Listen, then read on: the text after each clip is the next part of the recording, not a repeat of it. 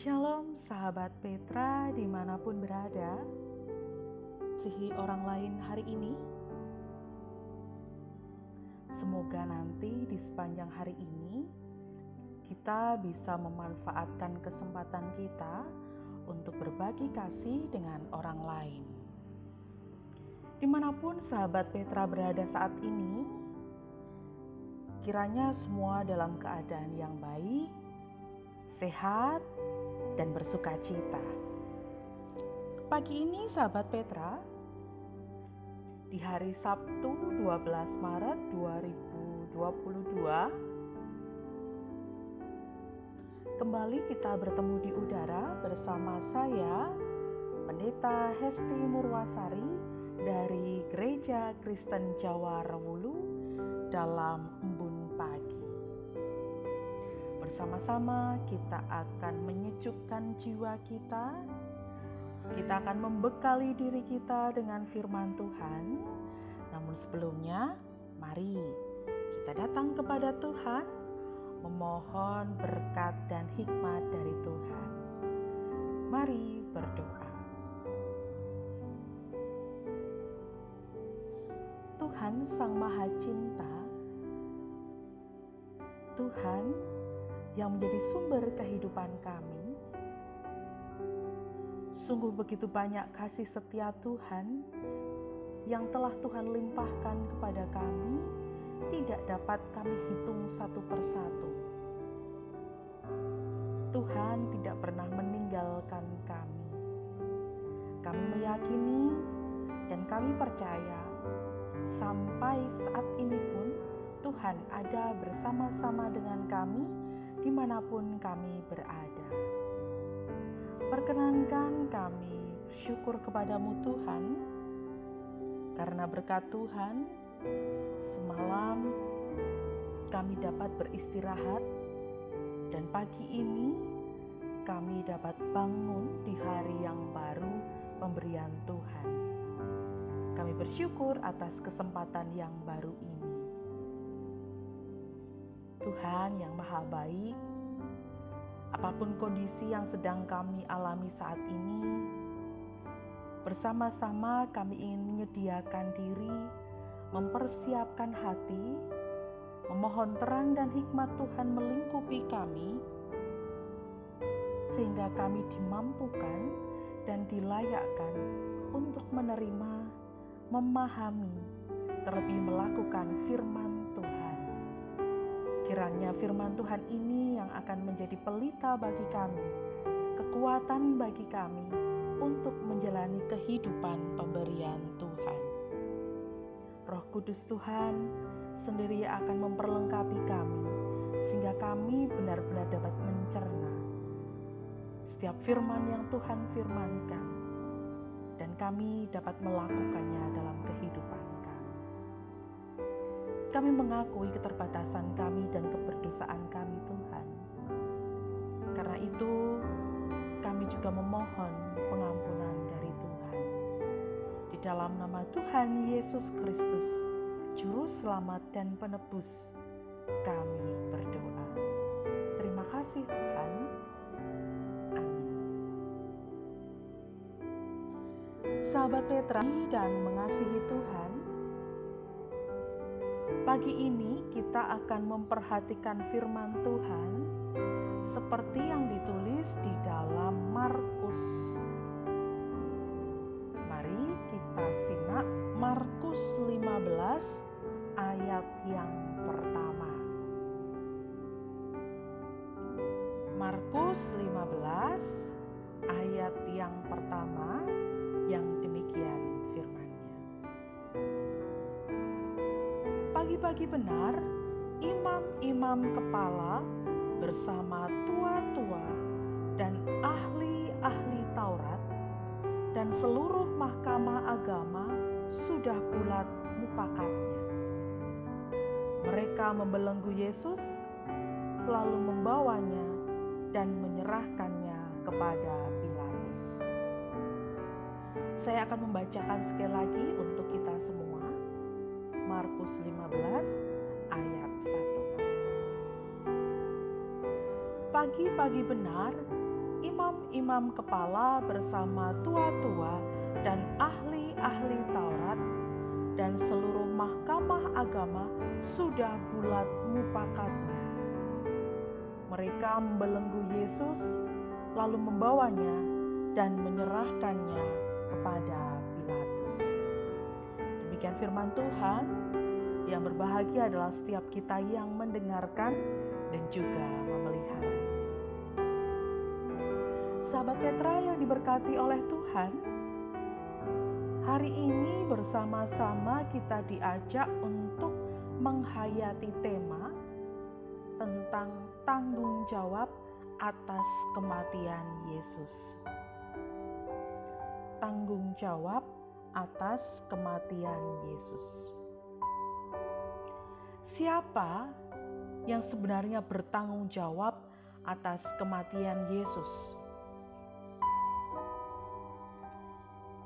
Tanggung jawab atas penyalipan Yesus ada pada lebih dari satu kelompok karena penyalipan ini melibatkan banyak pihak yang saling bekerja sama.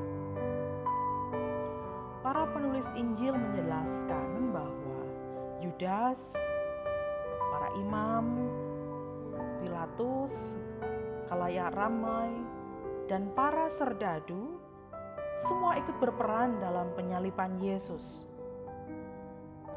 Setiap pihak memiliki motivasi sehingga mau bersama-sama menyalibkan Yesus. Beberapa waktu yang lalu kita diingatkan akan motivasi Yudas di dalam menyerahkan Yesus yaitu keserakahan. Para imam termotivasi oleh rasa iri pada Yesus karena sepak terjang Yesus selama ini. Pilatus termotivasi oleh rasa takut karena dia diperhadapkan oleh banyak orang, ada rasa ketakutan untuk kehilangan jabatannya dan lain sebagainya. Kalayak ramai masyarakat termotivasi karena adanya luapan emosi. Dan para serdadu termotivasi menjalankan tugas secara membabi buta. Di dalam rangkaian peristiwa ini, sahabat Petra, ada satu kata dari bahasa Yunani yang dipakai dalam tiap tahapan peristiwa, yaitu kata paradidomi. Paradidomi yang artinya menyerahkan atau memberikan atau mengalihkan atau bisa juga diartikan mengkhianati. Yudas menyerahkan Yesus kepada para imam. Kemudian para imam menyerahkan Yesus kepada Pilatus. Pilatus menyerahkan Yesus kepada halayak ramai. Dan halayak ramai menyerahkan Yesus untuk disalib. Ini kalau kita lihat dari sisi manusiawi. Siapa saja yang terlibat, siapa saja yang ikut berperan di dalam penyalipan Yesus. Mari kita lihat di sisi yang lain, sahabat Petra. Yesus mengatakan bahwa kematiannya adalah tindakan yang ikhlas dan penuh kasih dia menyerahkan dirinya sendiri pada kematian. Seperti kalau nanti sahabat Petra bisa membaca di dalam Yohanes 10 ayat 18. Di sana dikatakan, tidak seorang pun mengambilnya. Ya, di sini berarti nyawaku dari aku. Tidak seorang pun mengambilnya dari aku melainkan aku memberikannya menurut kehendakku sendiri. Melalui ayat ini dikatakan tadi bahwa dia sendiri yang memberikan seturut dengan keinginannya. Namun ada juga perspektif lain yang perlu kita lihat dan pertimbangkan, yaitu tentang tindakan Allah yang menyerahkan anaknya sendiri untuk mati. Seperti di dalam Roma 8 ayat yang ke-32 di sana dikatakan, Ia yang tidak menyayangkan anaknya sendiri, tapi yang menyerahkannya bagi kita semua.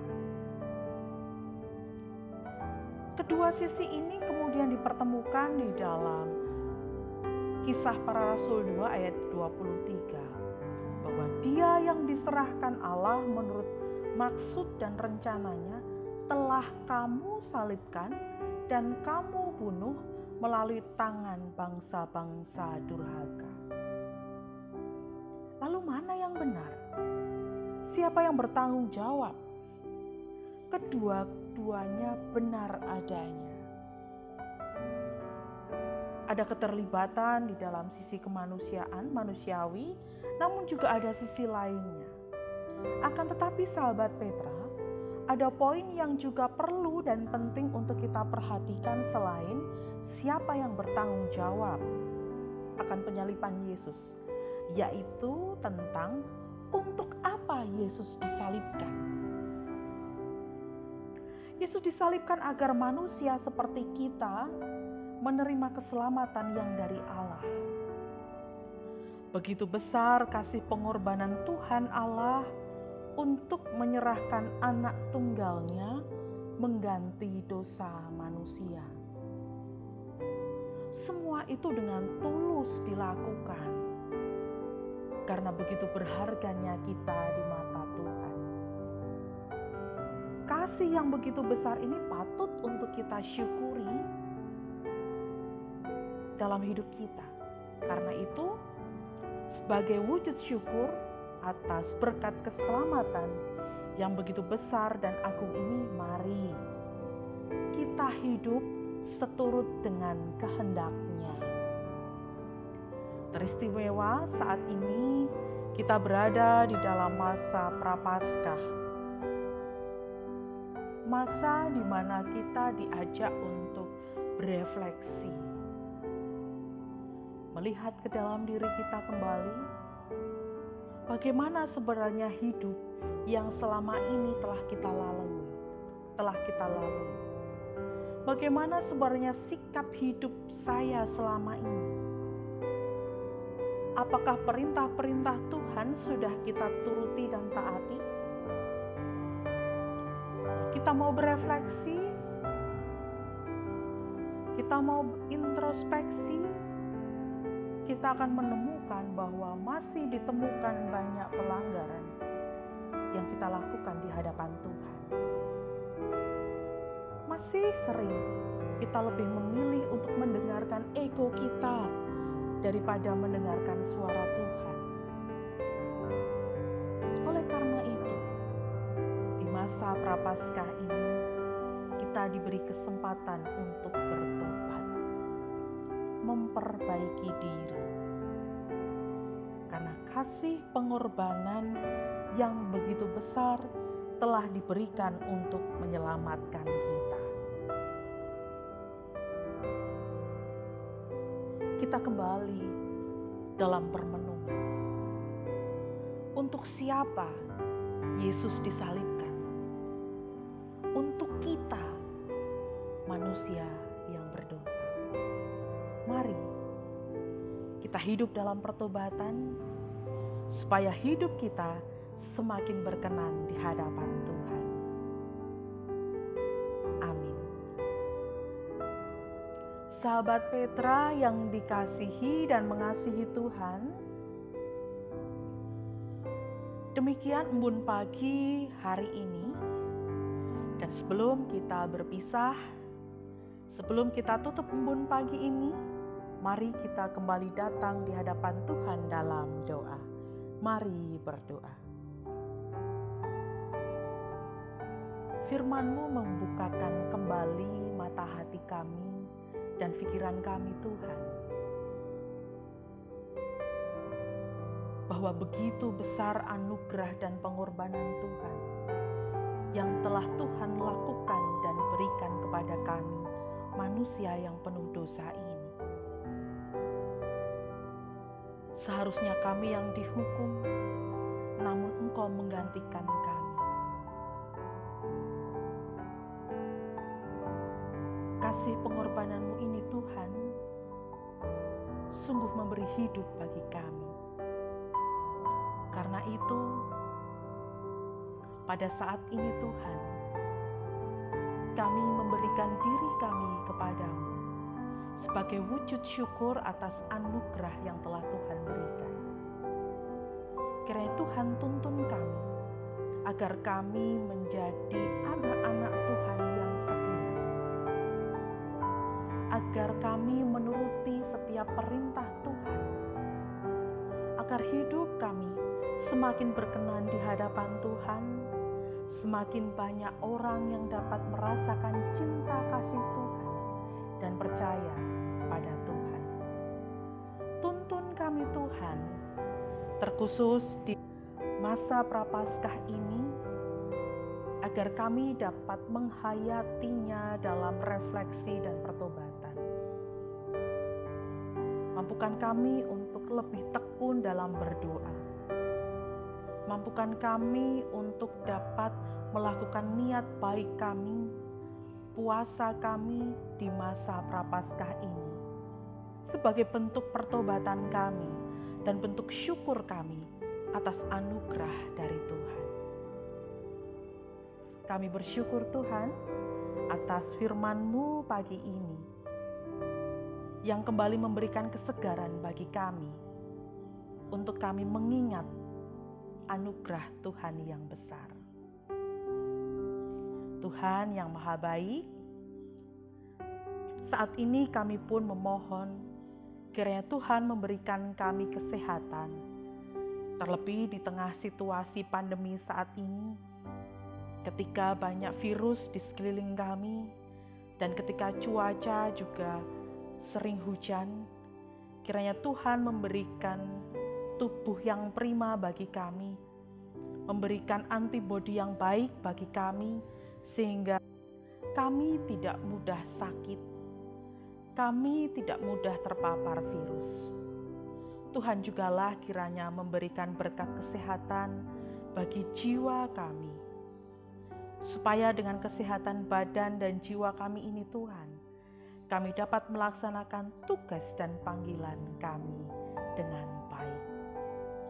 Kami menyerahkan sepanjang hari ini ke dalam rengkuhan tangan kasih Tuhan.